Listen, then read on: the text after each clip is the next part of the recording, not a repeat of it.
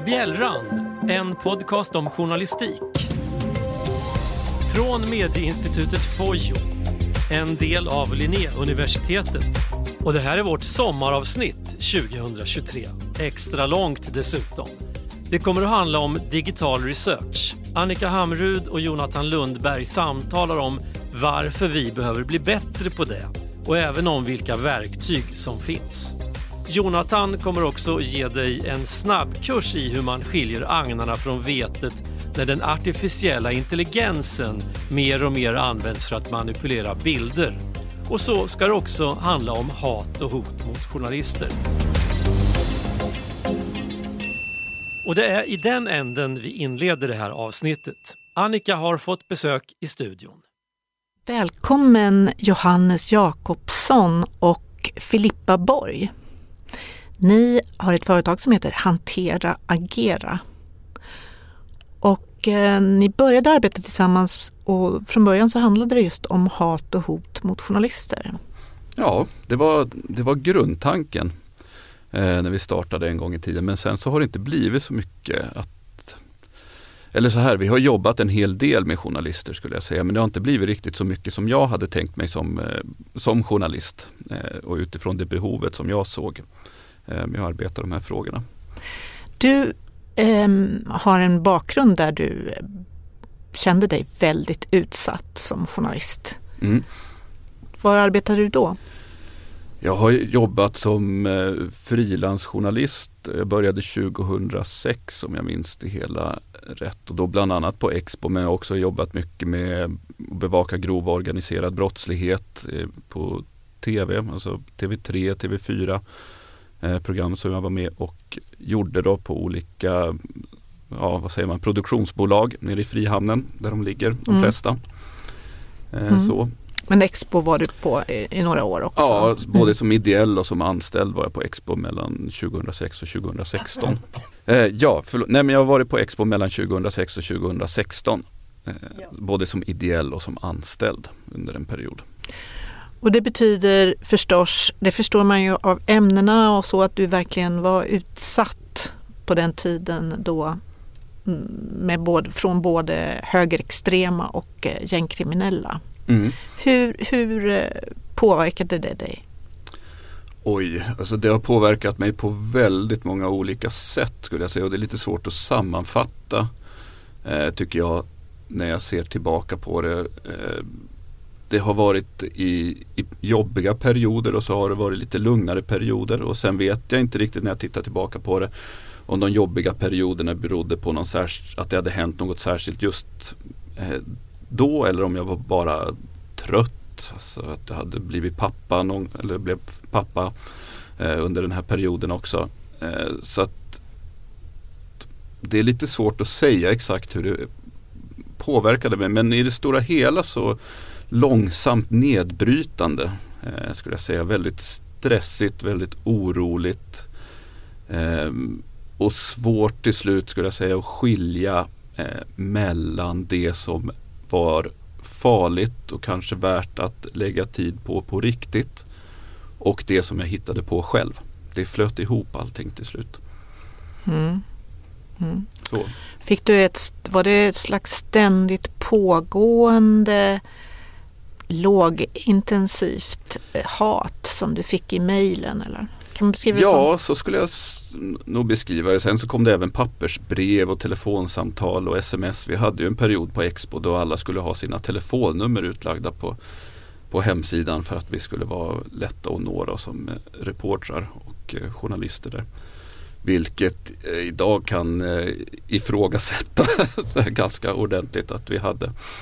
Eh, vi tog bort det också efter ett tag men just eh, under den perioden framförallt så kunde du ringa människor lite när som helst på dygnet och säga saker eller skicka saker på sms och sånt. Och så mycket mail. Eh, inga konkreta hot eh, överhuvudtaget som jag skulle säga från Expo-sidan utan det som, lilla som jag har varit med om när det gäller konkreta hot har kommit från eh, den organiserade brottsligheten eh, som den såg ut då.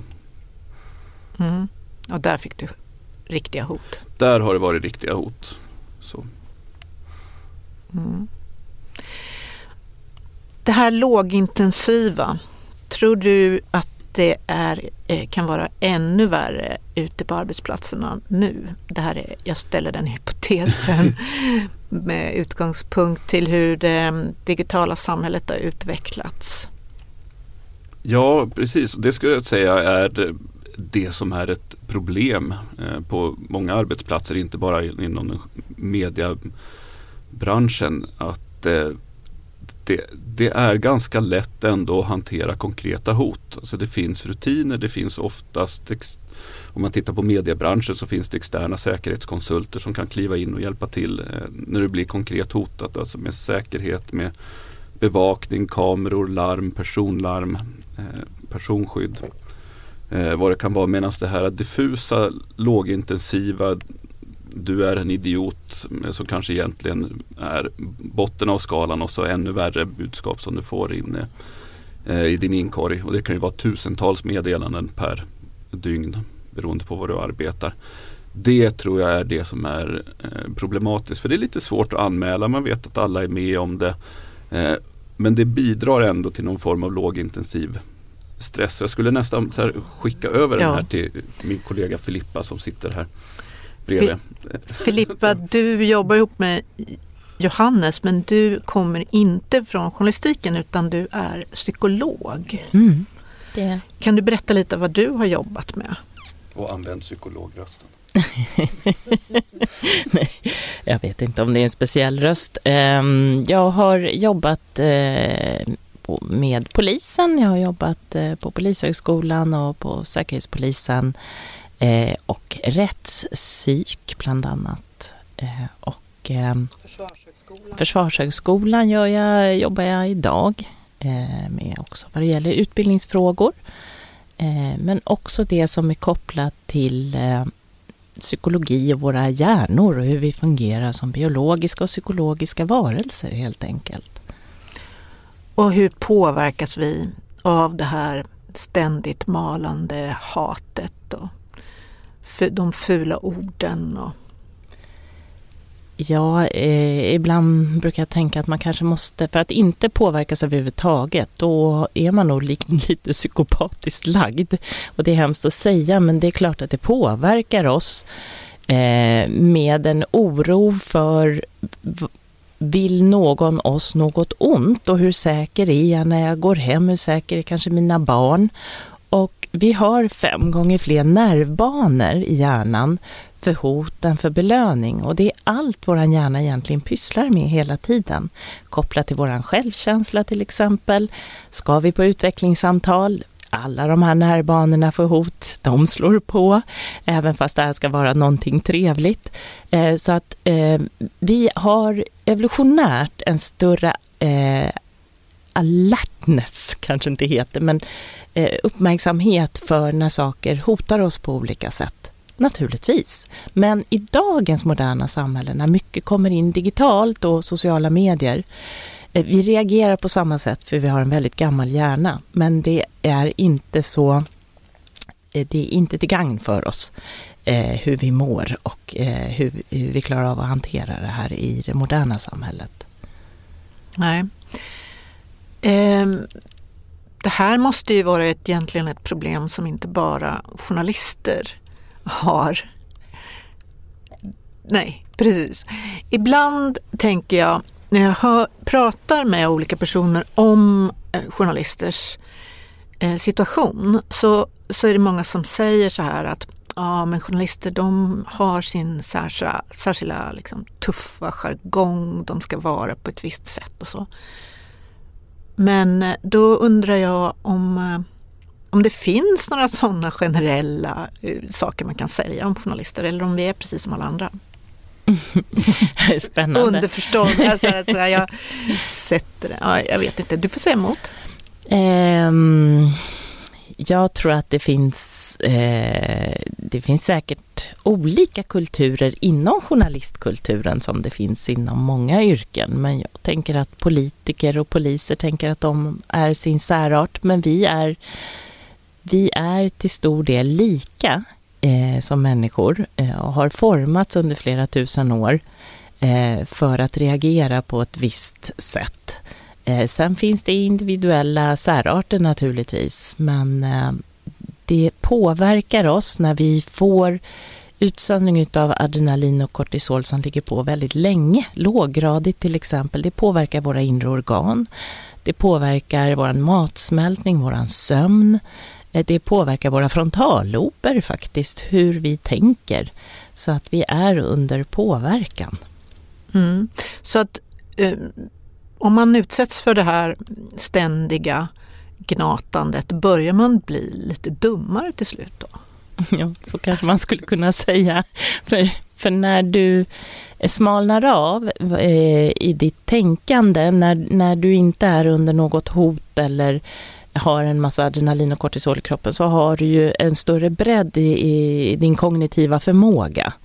Eh, och den smalnar ju av när du är under hot. Eh, när du är under påverkan, belastning, eh, då är det ju så att eh, vi stänger ner lite av frontallobsfunktionerna. Tyvärr. Så den enkla svaret på frågan är väl egentligen ja, att vi blir faktiskt lite, ja, lite dummare. Vi blir lite dummare. Ja, en annan sak som vi blir lite, vi börjar också att eh, hitta på saker och ting för att, komma, för att liksom hantera det här. Det är väl också naturligt kanske att göra. Eh, man vill ju inte som säga att eh, det här jobbet törs jag inte göra. Så att då kanske man hittar på en annan anledning till varför man inte vill göra det jobbet. Absolut. Det tror jag, både inför sig själv eh, och inför andra. Mm. Jag tänker att det, att det, det är också ett problem att det faktiskt det blir falsk nyhetsbedömning i vissa fall. Eller värdering, nyhetsvärdering. Det, det finns ju alltid en risk tycker jag och det, det är, handlar ju om att det är så svårt att upptäcka också vad det är som eh, påverkar oss. Om vi är stressade över någonting. Om man börjar som Filippa säger att eh, tänkandet börjar smalna av lite grann. Eh, så är det ju svårt att upptäcka, eller det är svårt att fatta bra beslut eh, i sådana lägen. Och är vi under påverkan då av stress och de här hormonerna som bubblar upp när vi blir eh, stressade, när vi blir lite rädda. Eh, så fattar vi inte lika bra beslut som när vi inte är det. Och det är svårt att liksom stanna upp och upptäcka det där. För ofta så går det så pass lång tid innan man når en gräns till vad man mäktar med. Och det kan ta många år och du hinner återhämta dig under den här tiden och kan fortsätta att jobba. Men det blir ju problematiskt skulle jag säga. Att inte ta hand om det. Mm, Filippa, du pratade om grodan mm, där. Den berömda kokande grodan. Eh, jag brukar säga att jag hoppas att ingen har gjort experimentet men eh, det sägs ju att om man stoppar ner en groda i kokande vatten så hoppar den ur för den känner att stannar jag här så kommer jag att dö. Eh, men om man stoppar ner den i kallt vatten och långsamt värmer upp vattnet så eh, kommer den att eh, ägna sin energi åt att anpassa sig till den nya miljön hela tiden. Så ju mer man värmer vattnet, desto mer energi behöver den eh, använda till att anpassa sig till det nya. Till det nya, till det nya, tills vattnet kokar och då är det för sent. Då har den ingen energi kvar, för den har förbrukat väldigt mycket energi på att hela tiden anpassa sig. Finns det ingen energi till att hoppa ur. Och det är väl, eh, jag tycker att det är en ganska bra beskrivning utav vad som händer när man är under långsam påverkan. Vi ställer om, vi flyttar fram vad vi tycker är okej. Okay Eh, och det är många organisationer som vi möter idag som har gjort det. Och när vi väl tittar bakåt, hade ni tyckt att det här var okej för fem år sedan, tio år sedan? Nej, det hade vi inte gjort. Så då är vi under påverkan och vi har flyttat fram vad vi tycker är okej utan att ha stannat upp och tittat, är det här verkligen en bra arbetsmiljö och vad gör det med oss som jobbar i den? Mm. Jag tycker det är en väldigt bra beskrivning av hur vi har, vi då, mm, vi inom journalistiken har börjat då acceptera en mycket högre nivå på hatet. Sådant som man, eh, om man tidigare blev utsatt för det och berättade så blev det kanske till och med uppmärksammat i andra medier. Någon har blivit utsatt men nu är det mera eh, någonting som man ska leva med förväntas mm. man. Ja tyvärr. Jag kommer ihåg, eller jag var, när jag jobbade på Efterlyst en gång och blev hotad utanför en rättegång. Då blev det stora rubriker av det i, i Aftonbladet. Det, jag är inte säker på att det skulle bli det idag. Det var 13 år sedan tror jag nu. Mm. Något sånt. Mm. Mm. Ja, jag har ju också blivit intervjuad efter att jag blev utsatt för hat. Ehm, och det var väl, vad var det, 2013 eller någonting sånt. Mm. Det, det, är, ja, jag tror att det är väldigt vardags. Det är mycket vardagsmat idag.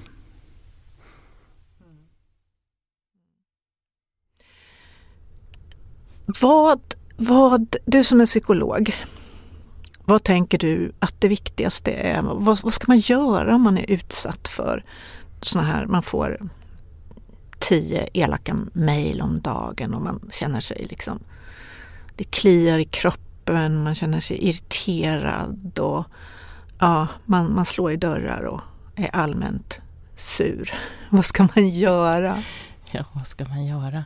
Det beror på så många olika faktorer hur du har det i övrigt i ditt liv skulle jag säga, vad du också eh, är robust för att göra. Det handlar om någon typ av robusthet, jag brukar prata om någon psykologisk rustning, hur, hur tunn eller hur tjock den är. Men en sån sak som vi brukar tipsa om det är i alla fall att inte känna att du är ensam i det här utan att ha någon att prata om det på arbetsplatsen. Eh, det här händer mig eh, just nu. Jag får tusen sådana här. Eh, hur ser det ut för er andra? Eh, finns det någon eh, bakom det här? Ehm, hur mår jag när jag får det här? Jag är inte så säker på att man pratar så öppet på alla arbetsplatser om det. Jag tror inte heller att man gör det. Jag tror mycket av det kanske beror på tidsbrist. Eh, att du ska vidare till nästa jobb. Det ska produceras mycket. Eh, jag tänker också att det har med ja, men den här tidsrymden som vi pratar om, alltså att det här har pågått under så många, många år och man har, eller man, men som bransch så har man accepterat att det är så här det går till.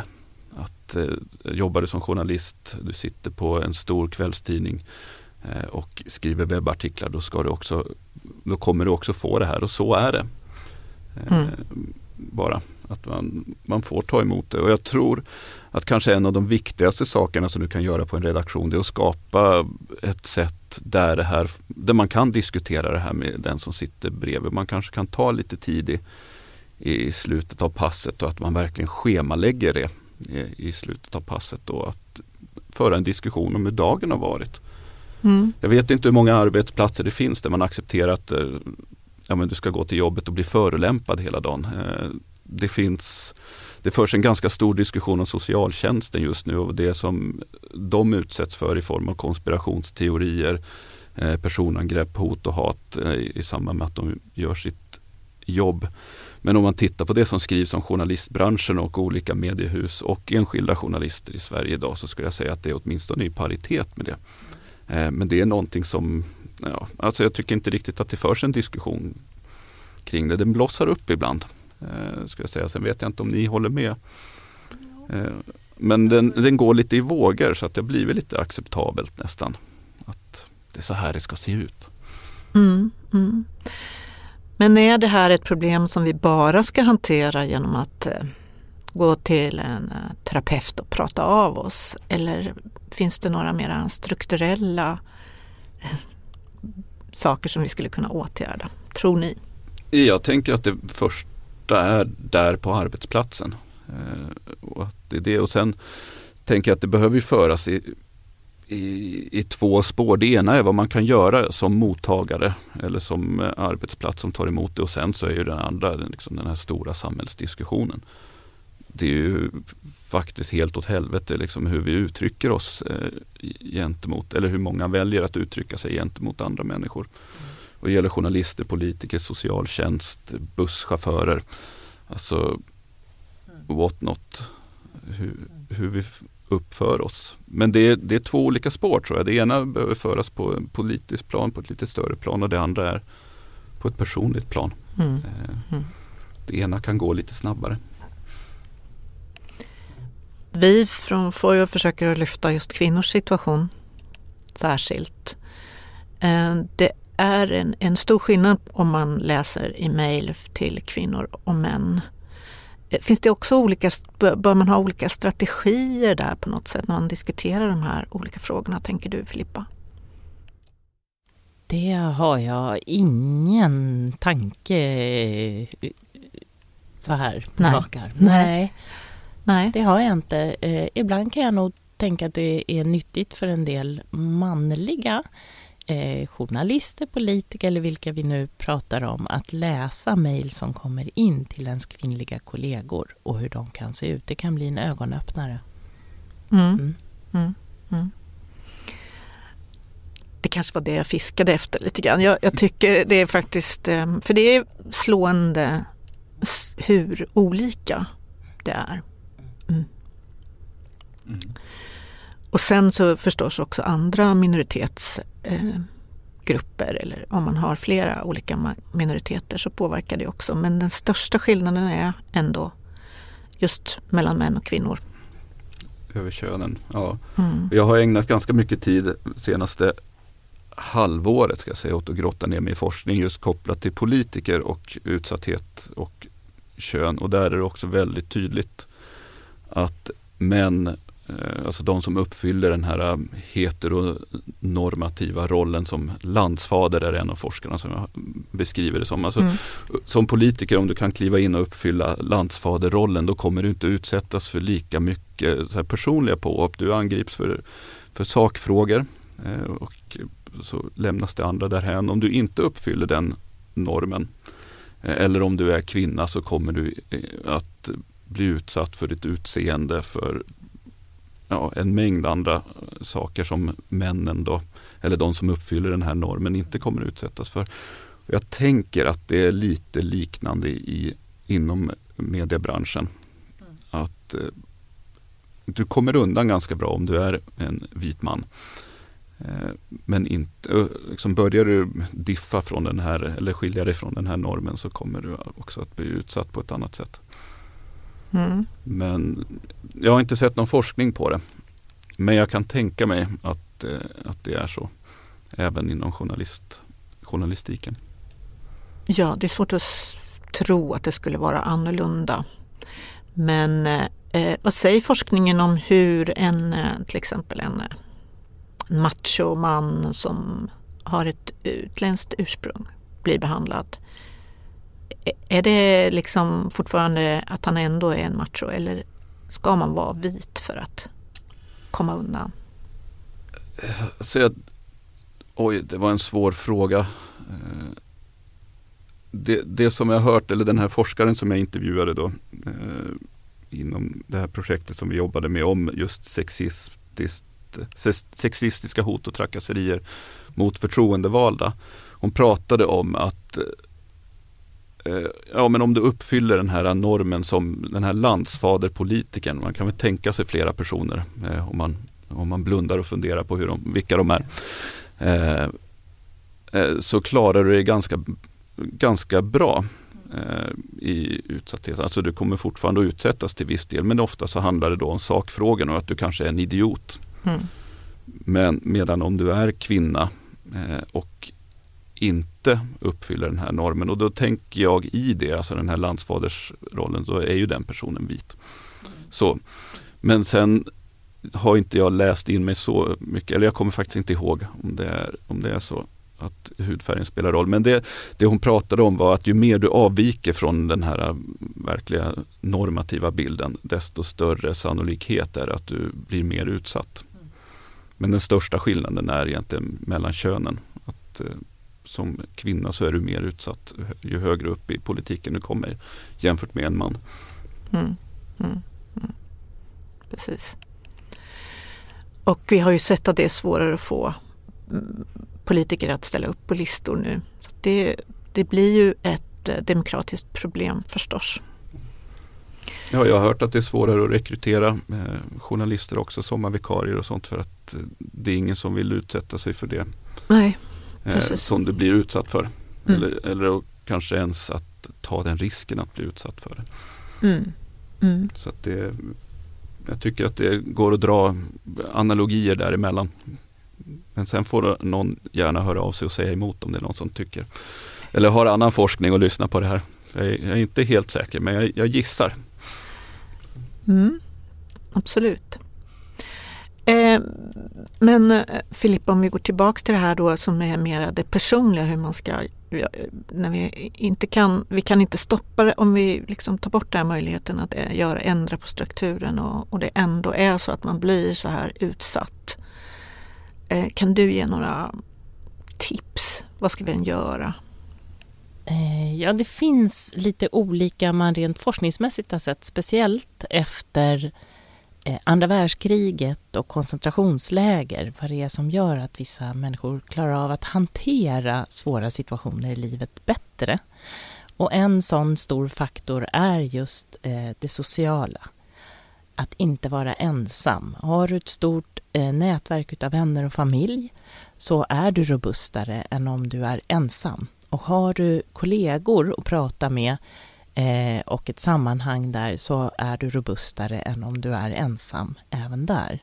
Och sen är det sådana saker eh, som inte folk gillar att höra men rör vi på oss så utsöndras en annan typ av hormoner som väger upp de här stresshormonerna vilket gör att vi eh, kan må lite bättre när vi får en balans i dem eh, och blir robustare där också.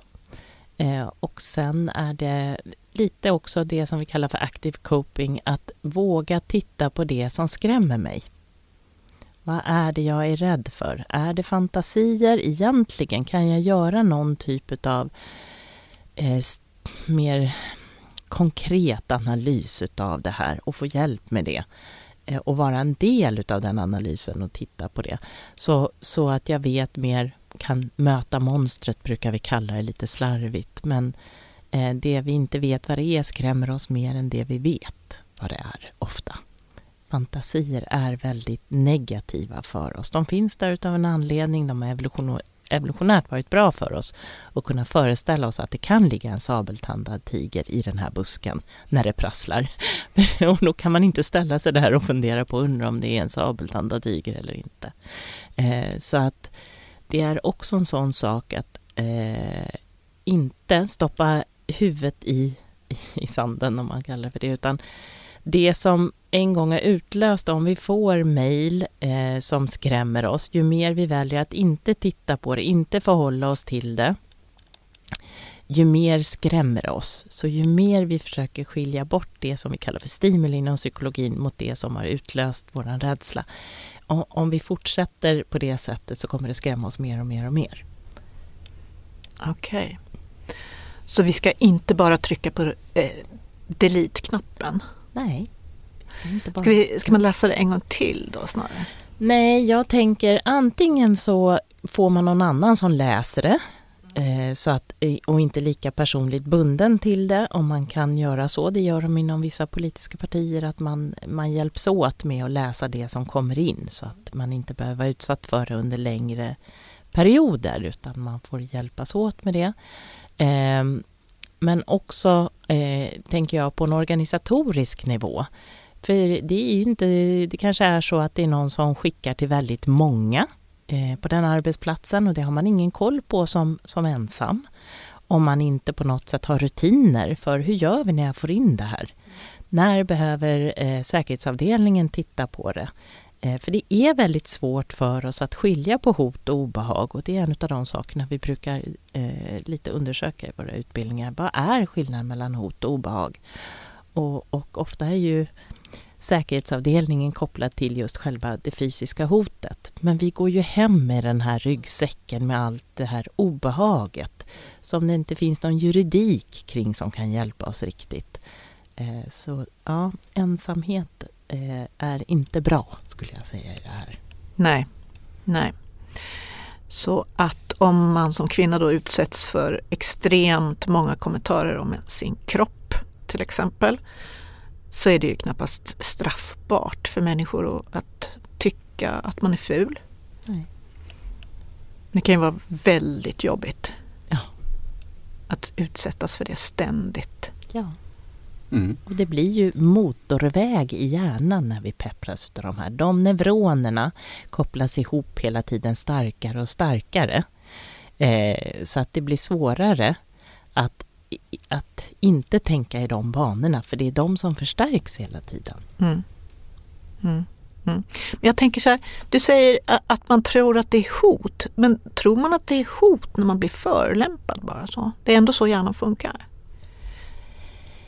Ja, de här fem gånger fler nervbanorna för, för hot, alltså hot mot våran självkänsla. Och det är ju så också.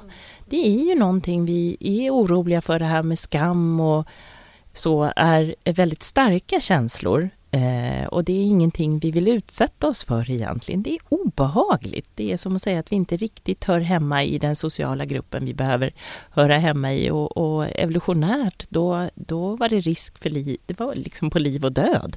Fick vi inte vara med i den sociala gruppen och när de jagar och, och skyddar varandra och så, så, så är vi otroligt utsatta. Så det här är ju också liksom baskänslor vi har som finns där utav en anledning men som också stökar till det lite för oss ibland i det moderna livet. Mm. Okej, okay. det är så. jag, hade inte, jag hade inte riktigt förstått den här kopplingen till varför man mår så fruktansvärt dåligt om man blir beskriven som icke åtråvärd mm. till exempel. Mm. Och då kan det ju faktiskt vara så att man är helt ointresserad av att den personen ska åtrå en.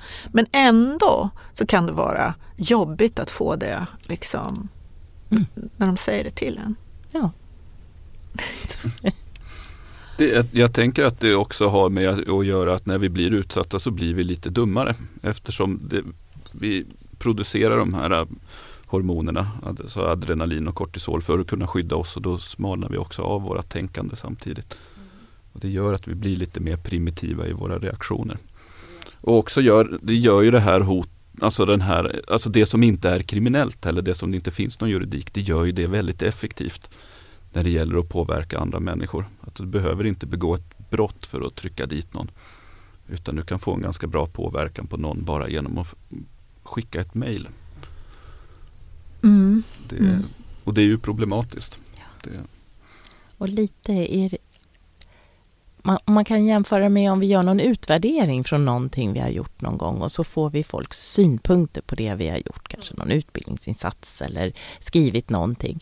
Och så får vi 300 som tycker att det här var fantastiskt och så får vi en eller två som tyckte att det var riktigt dåligt och all vår uppmärksamhet kommer automatiskt att gå till de som tycker att det här var riktigt ja, dåligt. De här 300 andra spelar ingen roll i sammanhanget och det är då man ser hur, hur, hur starkt det här är inbyggt i oss. Ja, ja, jag har undervisat på högskola och är det är fruktansvärt. De ska ha, de ska, varenda kurs så ska alla studenter fylla i vad de tycker om en. Det är fruktansvärt. Ja. Det spelar ingen roll om det är högsta betyg. Nej. Jag tycker lika illa om det i varje fall. Ja, och det är mänskligt. Ja, nu, nu, nu, ska ni inte tro att det alltid var bäst högsta betyg, det var det inte. Men, men jag menar... Ja, men jag tror det. Jag väljer det. men eh, det spelar liksom, det spelar inte så stor roll. Nej. Det finns alltid en som är missnöjd. Ja. Och den fokuserar vi på. Ja. Och den personen kan ju ha någon helt annan anledning till varför de säger det också. Det kan man inte veta. Nej. De är ju ofta anonyma. Ja. Det ska vara det. Det ska vara det. Det är viktigt att det är anonymt. anonymt. Är det bra med anonymitet? Både ja och nej. Mm. Det beror på. Ja. Mm.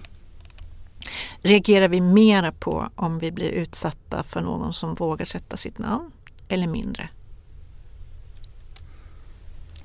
Jättebra fråga skulle ja. jag säga. För min del så eh, om jag tänker tillbaka på just det här tillfället när jag jobbade på Efterlyst och blev hotad så var det väldigt konkret. Och då hade jag varit på Expo i fyra eller fem år. Jag minns inte exakt hur länge jag hade varit där. Eh, men just där och då så kändes det ganska skönt att få ett konkret hot så jag, slip, som jag verkligen slapp sitta på kammaren sen efteråt och analysera och fundera kring. Eh, det var väldigt konkret. Det fanns en person framför mig jag kunde lämna över det till polisen som också tog hand om det. Han blev faktiskt dömd sen eh, till och med. Mm. Eh, så att just den delen var väldigt odramatisk och ganska lätt eh, hanterad för mig jämfört med alla de här myriaderna av kommentarer och mejl och telefonsamtal och sms och allt vad det var liksom på den mm. tiden. Ehm, så på så vis så kanske det är lättare om du har ett namn på personen. Mm. Och inte bara någon eh, okänd människa. Men jag vet inte om, om det gäller alla eller om det var just eller om det gäller mig idag. Men just där och då så kändes det bättre med det här tydliga, tydliga avsändaren. Och, och så är det ju lite. Apropå det här möta monstret också. Vi får ju så otroligt mycket fantasier när vi inte vet. Mm. Vem är det här? Mm. Eh, är det någon som faktiskt har ett våldskapital? Någon som är dömd innan? Har du ett namn, ja då vet du åtminstone, du kan kolla om den är dömd innan. Du kan liksom eh, ve, få en möjlighet att veta mer. Eh, och det gör ju någonting med vår känsla av kontroll. Det är när vi inte har kontroll. Det är, det är ju oerhört skrämmande att inte ha kontroll. Eh, så där är det säkert. Det finns också, man kan också vända på det. Vi har haft ett annat eh, inslag i Bjällran eh, tidigare med eh, Anna Gullberg som berättade att hon fick, eh, eh hade precis fått här nu mm, för ett tag sedan mejl från en chef på en kommun som skrev det från sin arbetsplats. Och då, eh, då tänker jag att eh, det har, då har det gått så långt att man inte skäms än för att skriva sådana saker. Till och med på, med en, en... Det skulle ju kunna tas fram av offentlighetsprincipen, det här mejlet. Liksom. Man skriver sånt. Ehm, jag tror det kan... Så jag tror att det, kan, det, det är också väldigt otäckt. Anonymiteten handlar ju någonting om att man faktiskt vet att det man gör är inte lämpligt. Eller kanske i varje Mm. fall. Mm. Absolut. Det kan nog vara åt båda Och hållen. tänk, ja, och jag tänker att det har ju med, med sammanhanget att göra. I mitt fall så hade jag ofta att göra med ganska farliga personer. Eh, så. Eh, och det skapade fantasier för mig när jag inte visste vilka de, eller vem det var som stod Eh, bakom ett budskap. Och det, jag vet inte än idag om det var farligt eller inte. Det är någonting jag går och grubblar på ibland när jag har tid med det. Eh, men jag tänker att om du får ett mejl mail från en kommun där en tjänsteman eller en tjänsteperson då, skickar från sitt arbete eh, i sitt riktiga namn till en person då, då blir det grövre. Ja, det blir grövre när det handlar om till exempel bara att eh, du är ful. Ja. Ehm, för då är det som att man använder sin makt också, att man har en position och så vill man trycka ner Ja, och visa Eh, att man kan göra det också. och visa att man kan göra det. Titta vad jag Mm. kan. Ja. Mm. Mm. Och jag kommer att komma undan med det också, tänker man. Ja, och, och, och där tänker jag så här, alltså, hur är vi mot varandra som personer? Är det här, alltså, vad vill man säga med en sån, med att göra en sån grej bara för att trycka ner någon? Det är så konstigt. Tycker jag. Det, ja, Ja, du som är psykolog. Ja, vi, är märkliga som art skulle jag säga. förklara det här nu Filippa. Nej, jag vet, vet inte om jag kan det och jag kan väl tycka Apropå frontallober och klokhet, är det klokt att skicka ett sånt mejl så, till en journalist som faktiskt kan publicera det här? Mm. Jag bara, det tycker jag låter lite eh, ogenomtänkt. Får man säga det? Ja. Ja, eller så vet han att de flesta journalister har en etik som innebär att man inte Ja, gör det. Men frågan är ju liksom lite grann till slut hur, hur länge ska vi hålla på, på den här etiken? ja, så länge som möjligt. Tror jag, jag tror inte det blir bättre att sänka eh, sig till den Nej. nivån egentligen. Men det är ju den, ja, Men det blir ju... Man pratar om de här mm. två diskussionerna eller de här spåren Mm. och, och gå. Det ena är det personliga eller det på arbetsplatsen och det andra är det offentliga. Mm, Eh, mm, hur, vi, hur vi uttrycker oss mot varandra. Precis. Eh, Och, Och, jag tycker självklart att eh, journalister ska hålla på sin etik. Men jag undrar om vi verkligen lyckas med det. Jag är inte så säker. Jag får känslan av att det, det börjar att, att, att, att smula sönder lite grann på vissa håll. Och det kan ju också vara en effekt av av den här eh, utsattheten. Ja, och hårt samhällsklimat. Mm, mm, mm. Absolut. Mm. Till exempel så, eh, du har ju skriv, studerat gängkriminalitet och där finns det en väldigt stor skillnad i hur man hänger ut mm, brottslingar till exempel på ett helt annat sätt än tidigare. Så att visst förändras även journalistiken Absolut. av Så det är här samhället. Mm. Jag har i och för sig jobbat med att hänga ut brottslingar väldigt, väldigt mycket redan, redan innan. Där Ja. på, på Efterlyst. Eh, Så Ja, det var ju själva idén. grundtanken med det. Men, men så är det ju. Alltså, Men då var det väldigt påverkas- genomtänkt och inte väldigt, Ja, det var för, inte, förhoppningsvis i ja, alla fall. jag vilja hoppas säga. det. Ja, Mm. jag vill tro det.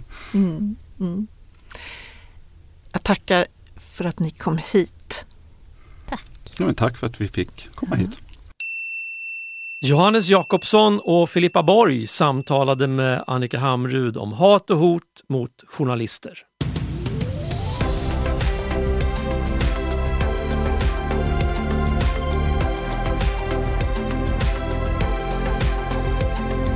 Det här är Bjällran. Dags för en kortis med Jonathan Lundberg. I mars eh, 2023 så spreds det en bild på eh, påven som hade en riktigt snygg flashig vit jacka på sig. Eh, och den här började då spridas i sociala medier som ett eh, någon sorts bevis för att påven har blivit cool. Eh, vad har han fått för ny designer? Påvens nya stil. Men ganska snart därefter så insåg man ju då att det här var ingen äkta bild utan den var AI-genererad. Och det intressanta med de här AI-genererade bilderna är att tidigare faktagranskningsmetoder går bet. Det är klart att man på olika sätt kan, Eh, kan kolla upp detta. Man kan försöka eh, få tag på någon som kan bekräfta eller dementera om det här är en bild på påven.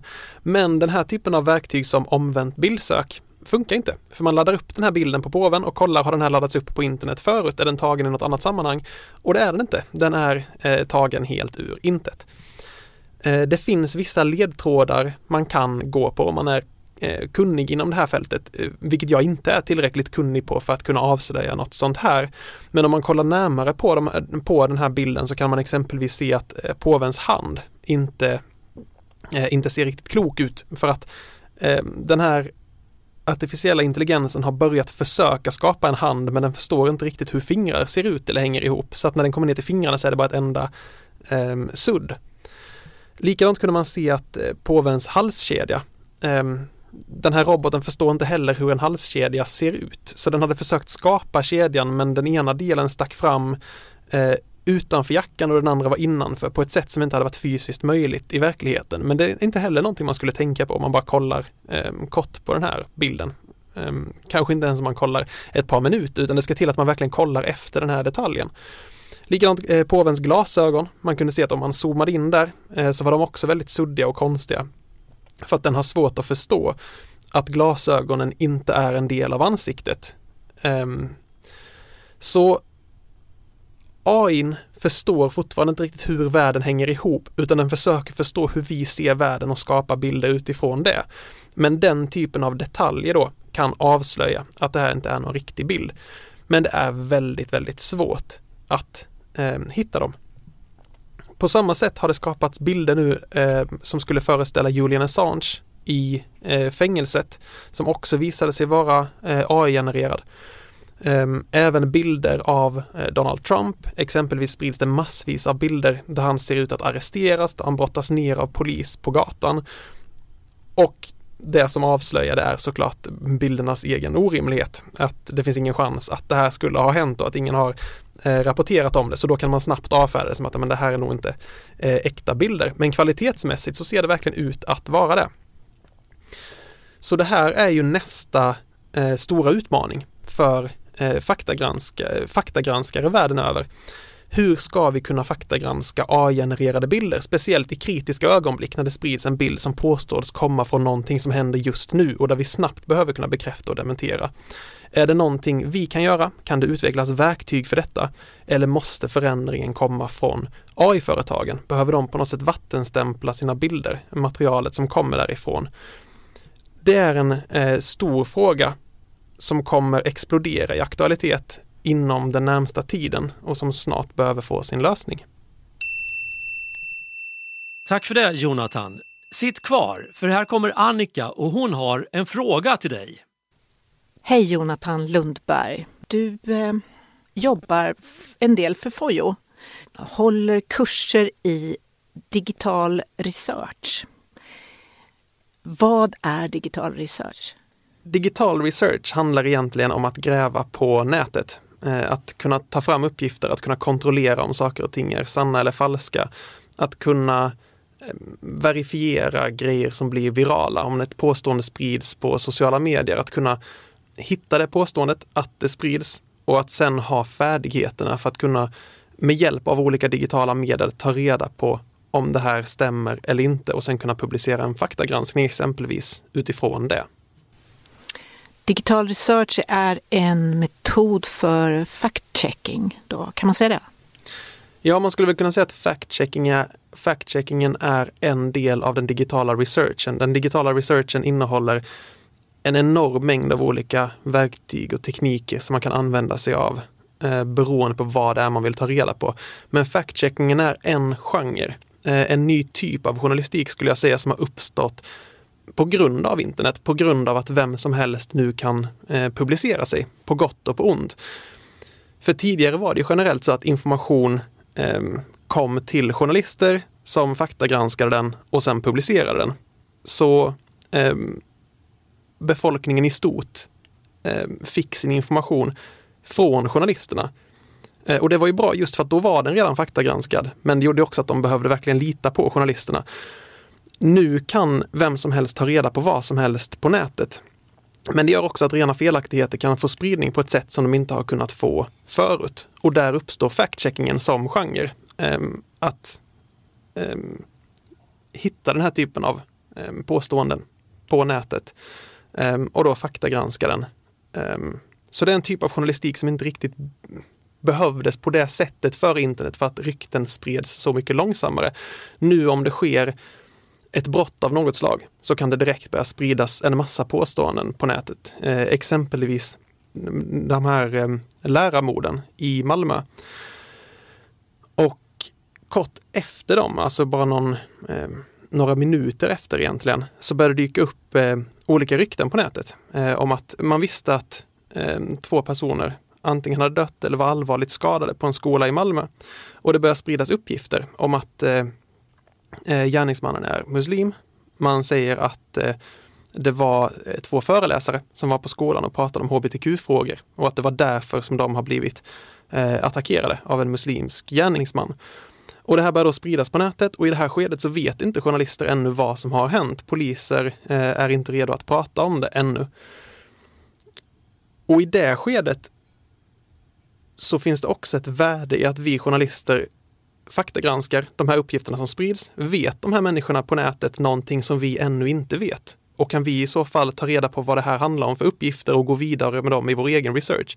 Eller kan vi faktiskt komma fram till att det finns inget belägg för det här som påstås? Eh, att gärningsmannen skulle vara muslim, att det här skulle handla om hbtq-föreläsare, eh, vilket det inte visade sig vara i det här fallet. Det visade sig vara helt och hållet falskt. Och om vi kan dementera det och säga ehm, i det här informationsvakuumet som har uppstått, om vi då kan säga att nej, men vi vet ännu inte vad som har hänt, men vi vet att det finns i alla fall inget belägg för detta. Då har det också ett värde. För sen kan det ju dröja ett par timmar eller till och med ett par dagar innan man kan säga att nej men det här var faktiskt gärningsmannen, det här verkar faktiskt ha varit motiven. Så det är en ny typ av journalistik där behovet egentligen har uppstått i och med internet och där internet blir eh, arbetsfältet. Är det många som använder de här, den här metoden, då, den digitala researchen, på svenska redaktioner?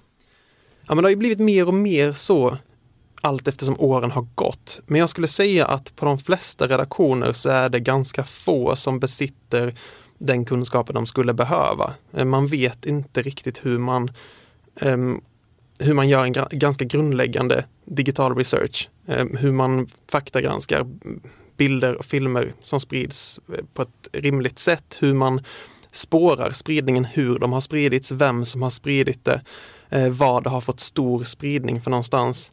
Eller en sån grej som att kunna jobba med eh, öppna källor eh, om det sker någonting eller exempelvis vid eh, skogsbränder. Att kunna använda sig av satellitbilder för att snabbt kunna se spridningen på det sättet och inte behöva förlita sig på eh, uppgifter från räddningstjänst exempelvis, utan att själva kunna få fram uppgifterna om vad det är som händer, hur spridningen ser ut och att ta fram den typen av data. Den typen av digital research tror jag att, att vi skulle tjäna mycket på om den blev uh, mycket vidare spridd på svenska redaktioner. Mm. Vem är det på en redaktion som du tycker borde, skulle kunna det där då? Jag tycker nog att de flesta skulle ha grundläggande kunskaper om detta. Det behöver inte vara bränd, det kan vara om det sker ett brott, om man har knapphändiga uppgifter om vad det har ägt rum. Eh, en sån enkel grej som att snabbt kunna använda sig av de ofta knapphändiga uppgifterna man har. Och använda sig av så enkla verktyg som eh, Google Maps, men ändå för att snabbt och enkelt och effektivt kunna hitta den här platsen eller kunna se vilken lägenhet det verkar handla sig om utifrån eh, kanske en en bild eller en ögonvittnesskildring man får från platsen och att då kunna använda sig av Street View exempelvis. För att kunna triangulera en position och se att det verkar vara inom det här området. Vi kanske inte kan säga exakt vilken lägenhet det är, men vi ser att det verkar vara här ungefär som det har hänt. Jag tror att eh, alla skulle tjäna på att ha de här grundläggande kunskaperna. Men som du hör så är det också ett väldigt brett fält, just från att göra omvänt bildsök eh, där man tar en bild laddar upp i en sökmotor och ser, har den här bilden laddats upp på nätet förut? Och på så sätt kan man säga, visar den här bilden det den påstås visa? Eller är den tagen i ett helt annat sammanhang? Allt därifrån till de här satellitbilderna av skogsbränder eh, Eh, till att leta upp en brotts, brottsplats på Google Street View. Eh, Allt det handlar egentligen om digital research, så det är ett jättestort fält. Men i allmänhet skulle jag säga att kunskapen fortfarande är relativt låg och att det finns väldigt mycket att tjäna på att bara höja kunskapsnivån eh, lite grann. Och sen behövs det väl några per redaktion som är väldigt, väldigt kunniga, precis som man har Även man har de som är väldigt kunniga inom alla möjliga andra fält som de andra journalisterna kan gå till eh, och fråga om de stöter på ett hinder. Men att alla i alla fall har de grundläggande kunskaperna. De exempel du tog nu, de, då tänker jag mig att det är just de som sitter vid desken som jobbar med det väldigt snabba nyhetsflödet nu för tiden. Det är ju väldigt snabbt eftersom man publicerar digitalt. Men eh, finns det andra eh, fält där man kan jobba mera med längre projekt? Inom alla fält egentligen, för jag menar grävjournalistiken har mycket att vinna på det, att kunna eh, gräva i digitala arkiv på ett annat sätt än nu. Eh, Internet Archive är en ovärderlig källa för eh, information, exempelvis om hur och inte bara, eh, för det finns så mycket annat att hitta där, men exempelvis då om hur hemsidor har sett ut tidigare. Ehm, en, ett parti eller en politiker skriver någonting på sin hemsida eller på en blogg och så får de kritik för detta. Och så tar de bort det och så hoppas de att, men det är nog ingen som har märkt detta utan man kan dementera så att nej men så har vi inte uttryckt det. Men med hjälp av Internet Archive kan man då hitta gamla kopior av hemsidan och se att jo men så här såg den visst ut i juni 2021. Då stod det faktiskt så här på er hemsida. Så att kunna gräva i de här digitala arkiven kan vara ovärderligt för den grävande journali eh, journalistiken. Men även att kunna skriva på ett mer nyanserat sätt om internetkulturen skulle vara ovärderligt för den svenska kulturjournalistiken, där det här är fortfarande ett ganska eftersatt område där, där förståelsen för internetkulturen fortfarande är ganska låg och man ser det som eh, en bisak på många sätt, trots att det är internetkulturen som formar många ungdomar idag. Eh, så jag tror att inom varje journalistiskt fält skulle man ha nytta av större kunskap inom åtminstone någon nisch av den digitala researchen. Kan du ge ett exempel på en, en kulturartikel som du ännu inte har läst? De unga kvinnornas spelkultur är fortfarande eh, i princip helt eh, obevakad. Eh, när man skriver om spelkulturen så är det ofta om eh, toxiska 15-åriga killar och hur de uttrycker sig ehm, som man beskriver. Men det har vuxit fram en, en blomstrande internetkultur eh, runt ehm, unga eh, kvinnor, eh, gamers som streamar på Twitch och som har sin egen publik och som uttrycker sig på ett helt annat sätt. Um, och som ofta har ett mycket mer inkluderande sätt, ett mycket mer inkluderande språk, ett mindre toxiskt språk. Och det här är en spelkultur som alla som befinner sig i den världen eh, känner till. Um, och det är någonting som håller på att förändra spelkulturen i stort och hur hur ungdomar ser på gaming, där det är fler eh, tjejer också som känner att det här kan vara någonting för dem. Men det är någonting som knappt har bevakats allt i traditionella medier där det fortfarande ofta lyfts fram som att det är eh, killar framförallt. Som eh, killar och unga män och ofta toxiska sådana som spelar. Men så ser det inte alls ut längre. Så hela, hela det här fältet släpar efter egentligen. Kulturjournalistiken har inte alls på ett rimligt sätt lyckats bevaka vad som händer på nätet eller i gamingvärlden de senaste åren. Man ligger fortfarande väldigt långt efter. Tycker du att man kan förstå TikTok om man läser svenska medier? Nej, inte alls. Och det är just på grund av det där, att det har knappt gjort någon journalistik alls som försöker beskriva kulturen där på ett, på ett rimligt, balanserat, utförligt sätt. Um, utan enda gången som TikTok hamnar i medierna är egentligen när någon challenge har gått fel. Um, när man kan varna för farorna med TikTok. Eller exempelvis då när man skriver om att Eh, amerikanska politiker kan vara i färd med att förbjuda TikTok. Det är den typen av frågor. Då skriver man om TikTok. Men man har inte alls som vuxen får man inte en rimlig bild av vad det är för värld som ungdomarna faktiskt möter på TikTok. Som på många sätt är en mycket mer eh, nyanserad plats. En på många sätt väldigt, väldigt positiv plats och en plats där de lär sig väldigt mycket och där det på många, på många håll finns en väldigt en väldigt inkluderande kultur också. Ungdomar som eh, pratar om, skämtar om eh, psykisk ohälsa kan öppna upp med varandra och känna igen sig i varandra och, och få ut väldigt mycket gott av TikTok. Eh, jag skulle säga att det där är ju 90% av TikTok, men det skrivs eh, väldigt, väldigt mycket om de där sista fem eller tio procenten mm. mm. istället. Men jag, jag tänker själv att jag skulle gärna vilja veta lite mer vilka challenges som som eh, är, är på gång. För troligtvis är de flesta ganska roliga. Och så kanske det är någon som jag skulle vilja hålla koll på att inte barnen i det samhälle jag bor försöker sig på. Mm. Och det skulle jag säga, det är ju en del av den digitala researchen. Och det är väl därför vi behöver väldigt många journalister som intresserar sig för olika delar av den digitala researchen, för ingen kommer ensam eh, hinna med alltihop. Vi kan inte ha liksom en expert på en redaktion som, ja men han jobbar med digital research, för då kommer man inte hinna bevaka alla de här olika fälten. Utan jag tror att alla måste ha kunskapen och sen applicera den inom sina fält. Eh, och då kan man ha exempelvis en en reporter som fokuserar på eh, ungdomskultur exempelvis så att man då tar alla apparna som eh, ungdomar främst använder sig av för att ändå ha ett hyggligt brett bevakningsområde. Eh, men ändå Eh, tillräckligt nischat för att kunna göra någonting rejält av det. Um, och det där blir ju då en del av den digitala researchen att eh, jobba, spendera en stor del av sin arbetsdag på de här apparna, på TikTok och då få en tillräckligt grundlig bild av vad som händer där. För att som du säger då, i ett tidigt skede kunna, kunna bevaka och på ett rimligt sätt. Eh, just nu händer detta på TikTok, just nu är den här challengen stor Eh, för att informera, eh, kanske inte minst föräldrar som vill ha koll på vad deras, vad deras barn håller på med. För jag tror att för många föräldrar så är det där bara ett eh, svart, svart hål. Man blir medveten om det först när någonting verkligen exploderar inom vuxenvärlden. Inom, inom, inom ungdomsvärlden. det är först när någonting blir sådär jättestort som det här fenomenet med Garga Snipes. när, när ungdomar satt och filmade vuxna på tunnelbanan eller någonting. Ehm, och så spelas det upp ett ljud från eh, smurfarna med, med den här figuren Gargamel som då ska visa att det här är en ful gammal vuxen. Och när någonting blir så stort som det blev och det så tydligt är någonting negativt, det hänger ihop med någon sorts mobbarkultur. Då exploderar det, då skriver medierna om det, då blir föräldrar medvetna om det. Men det här blev ju populärt flera veckor innan medierna började skriva om det. Så jag tror att det skulle finnas mycket att vinna på att jobba på det här fältet dagligen och vara medveten om vad är det senaste.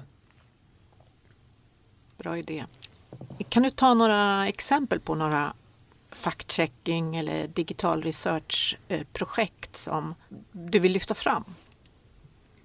Jag tycker att eh, eh BBC har gjort väldigt mycket bra på detta på sistone. De har BBC Verify eh, där de lägger ut faktagranskningar. Och där är det dels att de försöker ta reda på saker och ting eh, som händer, de faktagranskar det, men de jobbar också med hur kan vi få spridning av detta på sociala medier så att vi når den publiken som främst berörs av det här innehållet som vi skriver om. Sen har vi um, fler, flera redaktioner i USA som har börjat jobba med detta också, som har avsatt delar av redaktionen eller enskilda reportrar till att skriva om uh, den här typen av saker. Uh, och ofta kallar man dem för exempelvis uh, desinformationsreportrar eller liknande. Så att de jobbar bredare än så. De jobbar dels med felaktigheter som sprids på TikTok, kanske ungdomar som eh, hetsar varandra att eh, käka en så här, eh, disktablett, en sån här man lägger i diskmaskinen i munnen och ser vad som händer. Och så visar det sig att egentligen kan det där vara farligt och då eh, skriver den här reporten om det. Men genom att kalla det för desinformationsreporter så kan det också handla om exempelvis propaganda från Ryssland som sprids på TikTok. Eh, så det blir ett mycket bredare fält på det sättet också. Men i grunden så jobbar man med fact-checking i båda fallen. Så jag tror eh, journalister på svenska redaktioner som är avsatta till det där, för det behövs att man är avsatt till det för att kunna hålla koll på det här området. Eh, det skulle behövas, en ordentlig satsning på det. Ja, jag tittade lite på BBC Verify som har, ja, de är väldigt nya nu och eh, de körde en, liksom en livesändning där de presenterade hur de hade studerat satellitbilder för att se hur eh, ryssarna har lagt upp såna här uh, Dragons Teeth som det heter. Och det var ju, det var ju alltså BBC själva då som kunde presentera de här uppgifterna, verifierade, framtaget själva. Just det där att det inte då att man inte kollar andras uppgifter. Så det, ibland kan ju digital research vara att man tar fram egna uppgifter. Absolut. Och ofta så är den, den, den roligaste biten av det, den mest spännande biten. Eh, om man har ett problem, exempelvis det var den här, eh, den här bron som sprängdes i höstas mellan, eh, mellan Krim och det ryska fastlandet som var väldigt viktig för eh, ryssarna. Eh, och ukrainarna sprängde den. Och för västerländska medier så kan det vara väldigt svårt att få en inblick i vad är det som har hänt här? Eh, hur stor är skadan? Hur lång tid kommer det ta för Ryssland att reparera den? För Ryssland själva har stor möjlighet att kontrollera informationsflödet därifrån, för de har full kontroll på området och de vill gärna framställa det som att nej, men det här är inte en så stor sak, det är ingen så stor skada och vi kommer reparera den på bara några veckor. Men när man då kan med rätt satellittjänster som uppdateras tillräckligt ofta och som har tillräckligt hög kvalitet på sina bilder så kan man i princip i realtid, dag för dag, se eh, okej, okay, vi ser att skadan är så här stor. Vi kan se hur bron börjar repareras och vi kan se när den är färdigreparerad. Så att kunna få fram information som annars hade varit omöjlig att få tag på. Men man får tag på den tack vare att man känner till rätt digitala verktyg. Man har rätt teknik för att göra det.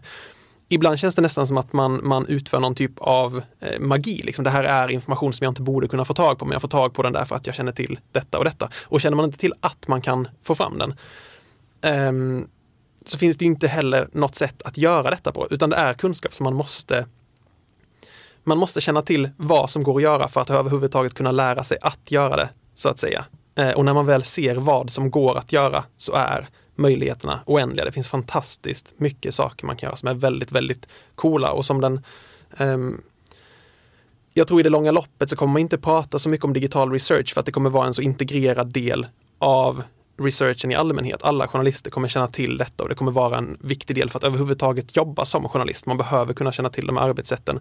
Men nu befinner vi oss i det här ganska tidiga skedet när det fortfarande är något av en separat eh, nisch. Um, och där den här kunskapen behöver komma ut på redaktionerna.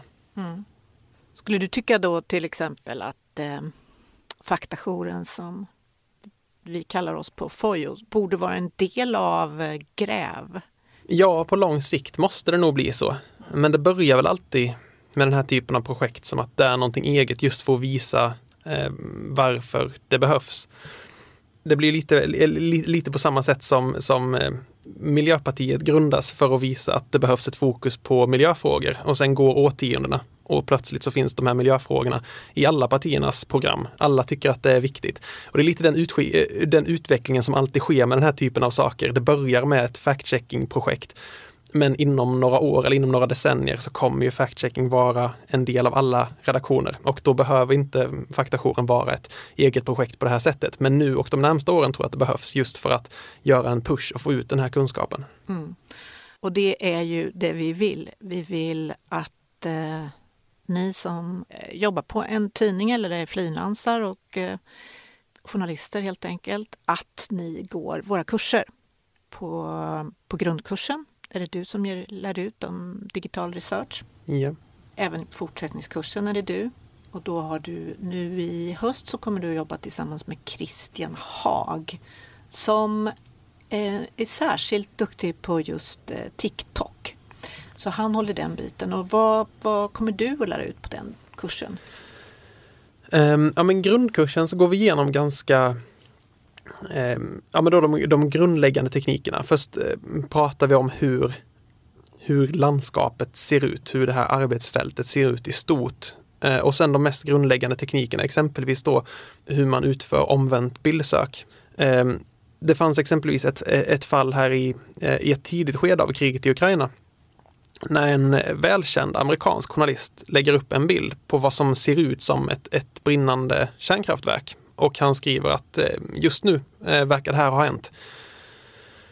Och många blir eh, livrädda för han är en trovärdig källa och han bifogar en bild och det ser ut som att ett kärnkraftverk har attackerats, så det brinner och man inser att det här kan få katastrofala följder. En halvtimme senare visade sig att den där bilden inte alls föreställer ett brinnande kärnkraftverk. Och att han helt enkelt har fått felaktiga uppgifter och han ber om ursäkt men det är för sent. Eh, för det är redan många som har blivit rädda. Det är många som inte kommer nås, åtminstone inte direkt, av den här korrigeringen. Så skadan är på många sätt redan skedd. Men med hjälp av omvänt bildsök så kan man då lägga upp en bild i en sökmotor och se om den har publicerats på internet någon gång tidigare och då i vilket sammanhang. Så vi börjar med den typen av enkla snabba men väldigt effektiva metoder för att göra grundläggande faktagranskningar. Hur man kollar upp metadata i olika filer eh, för att se om man kan hitta några spår därifrån. Ehm, på när, när filen är skapad, varifrån den kommer, vem som har lagt upp den, var den är skapad kanske till och med. Och sen kollar vi på verktyg som CrowdTangle som då ehm, kartlägger spridning i sociala medier där man kan se hur någonting har spridits från en sida till en annan, var det har fått mest spridning och så vidare. Den typen av verktyg fokuserar vi under, på under, under grundkursen. Under den avancerade kursen då, så går vi eh, betydligt djupare än så. Vi tar vid där vi slutade och som du säger, vi bakar in olika specifika sociala medier, hur man utför research på, på TikTok exempelvis. Vi pratar också mer om hur vissa eh, grupper hur de som hatar och hotar, hur extremistgrupper, hur konspirationsteoretiker använder sig av sociala medier, hur vi kan förstå de här grupperna, eh, hur vi kan bevaka miljöerna där de rör sig, hur vi kan bevaka materialet som de sprider ut på de stora sociala medierna och som kan nå ehm, befolkningen i stort, hur vi ehm, spårar spridningen av det materialet. Ehm, så mer ja, men vi gräver djupare helt enkelt där vi har börjat i grundkursen och sen blir det mycket mer praktiskt. Eh, vi hinner med det där på ett helt annat sätt. Att deltagarna får själva ta sig an och göra olika typer av faktagranskningar, använda sig av de här verktygen och metoderna under vår handledning. Är det många olika programvaror och så som man måste lära sig? Nej, eh, vi vill ju hellre fokusera på ett fåtal enkla program, gärna webbläsarbaserade så man behöver inte ladda hem det själv, som fungerar så effektivt som möjligt i så många situationer som möjligt. Så att man inte har massa små nischade program, för då, då blir det bara att man inte använder dem alls. För, för man, man kommer glömma bort dem. Man kommer inte, när man väl behöver dem så kommer man inte komma på att de finns, utan vi vill ha ett fåtal som funkar i väldigt många olika eh, situationer. Men sen är det ju så att det här fältet är väldigt eh, snabbrörligt. Så ett program som är jättebra eh, ena året kan ha skrotats nästa år och ersatts av ett annat. Eh, så jag vill hela tiden betona också att, att vi försöker lära ut eh, metoderna. Vi försöker lära ut att de här programmen finns. Och om ett program har skrotats nästa år så vet man i alla fall vad det är man ska leta efter. Man vet vad som går att göra och då kan man nästan alltid hitta en, en ersättare som är antingen lika bra eller förhoppningsvis bättre än vad det förra programmet var. Många säger att de skulle vilja gå kurs hos Bellingcat. Bellingcat är liksom den stora förebilden för de flesta inom det här fältet. Mm, absolut, de är ju mm. verkligen eh, världsledande.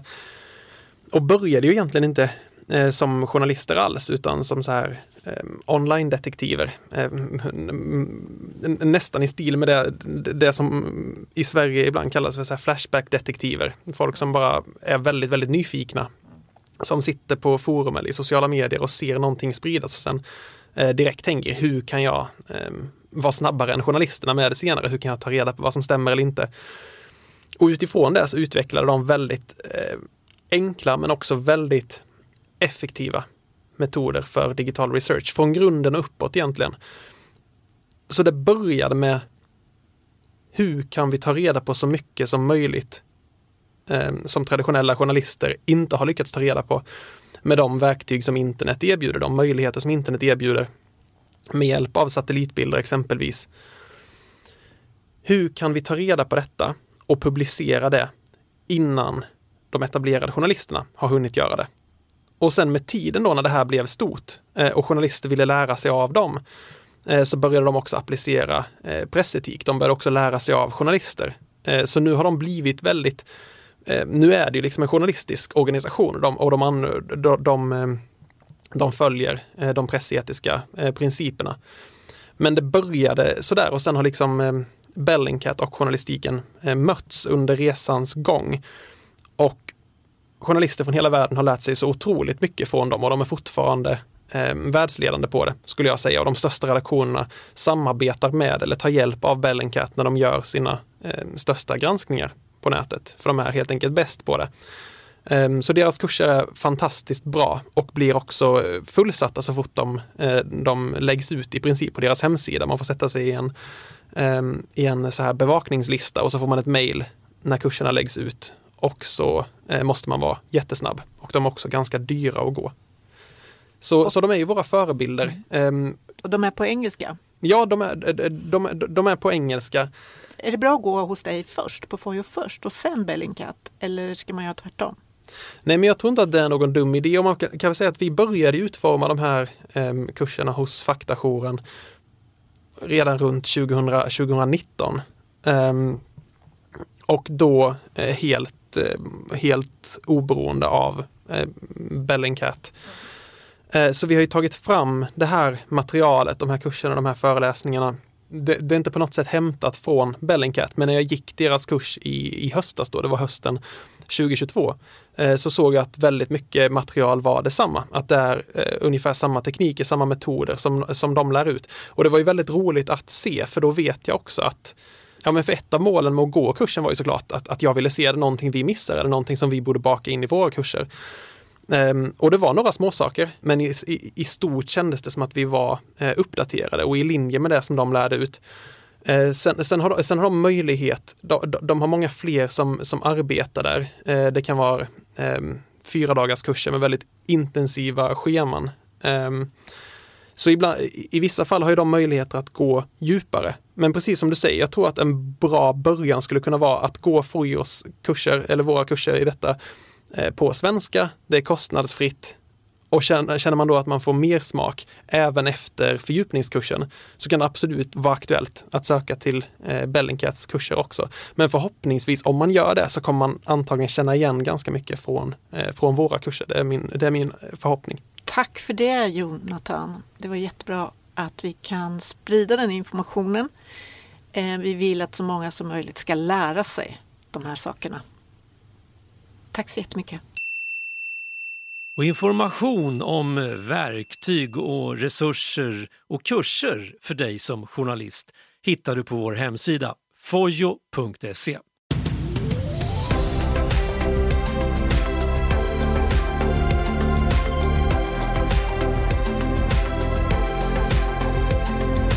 Du har just hört ett avsnitt av Bjällran, en podcast om journalistik.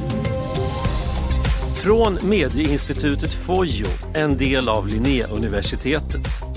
Vill du komma i kontakt med redaktionen? Mejla i så fall till bjallran.fojo snabela eller nu.se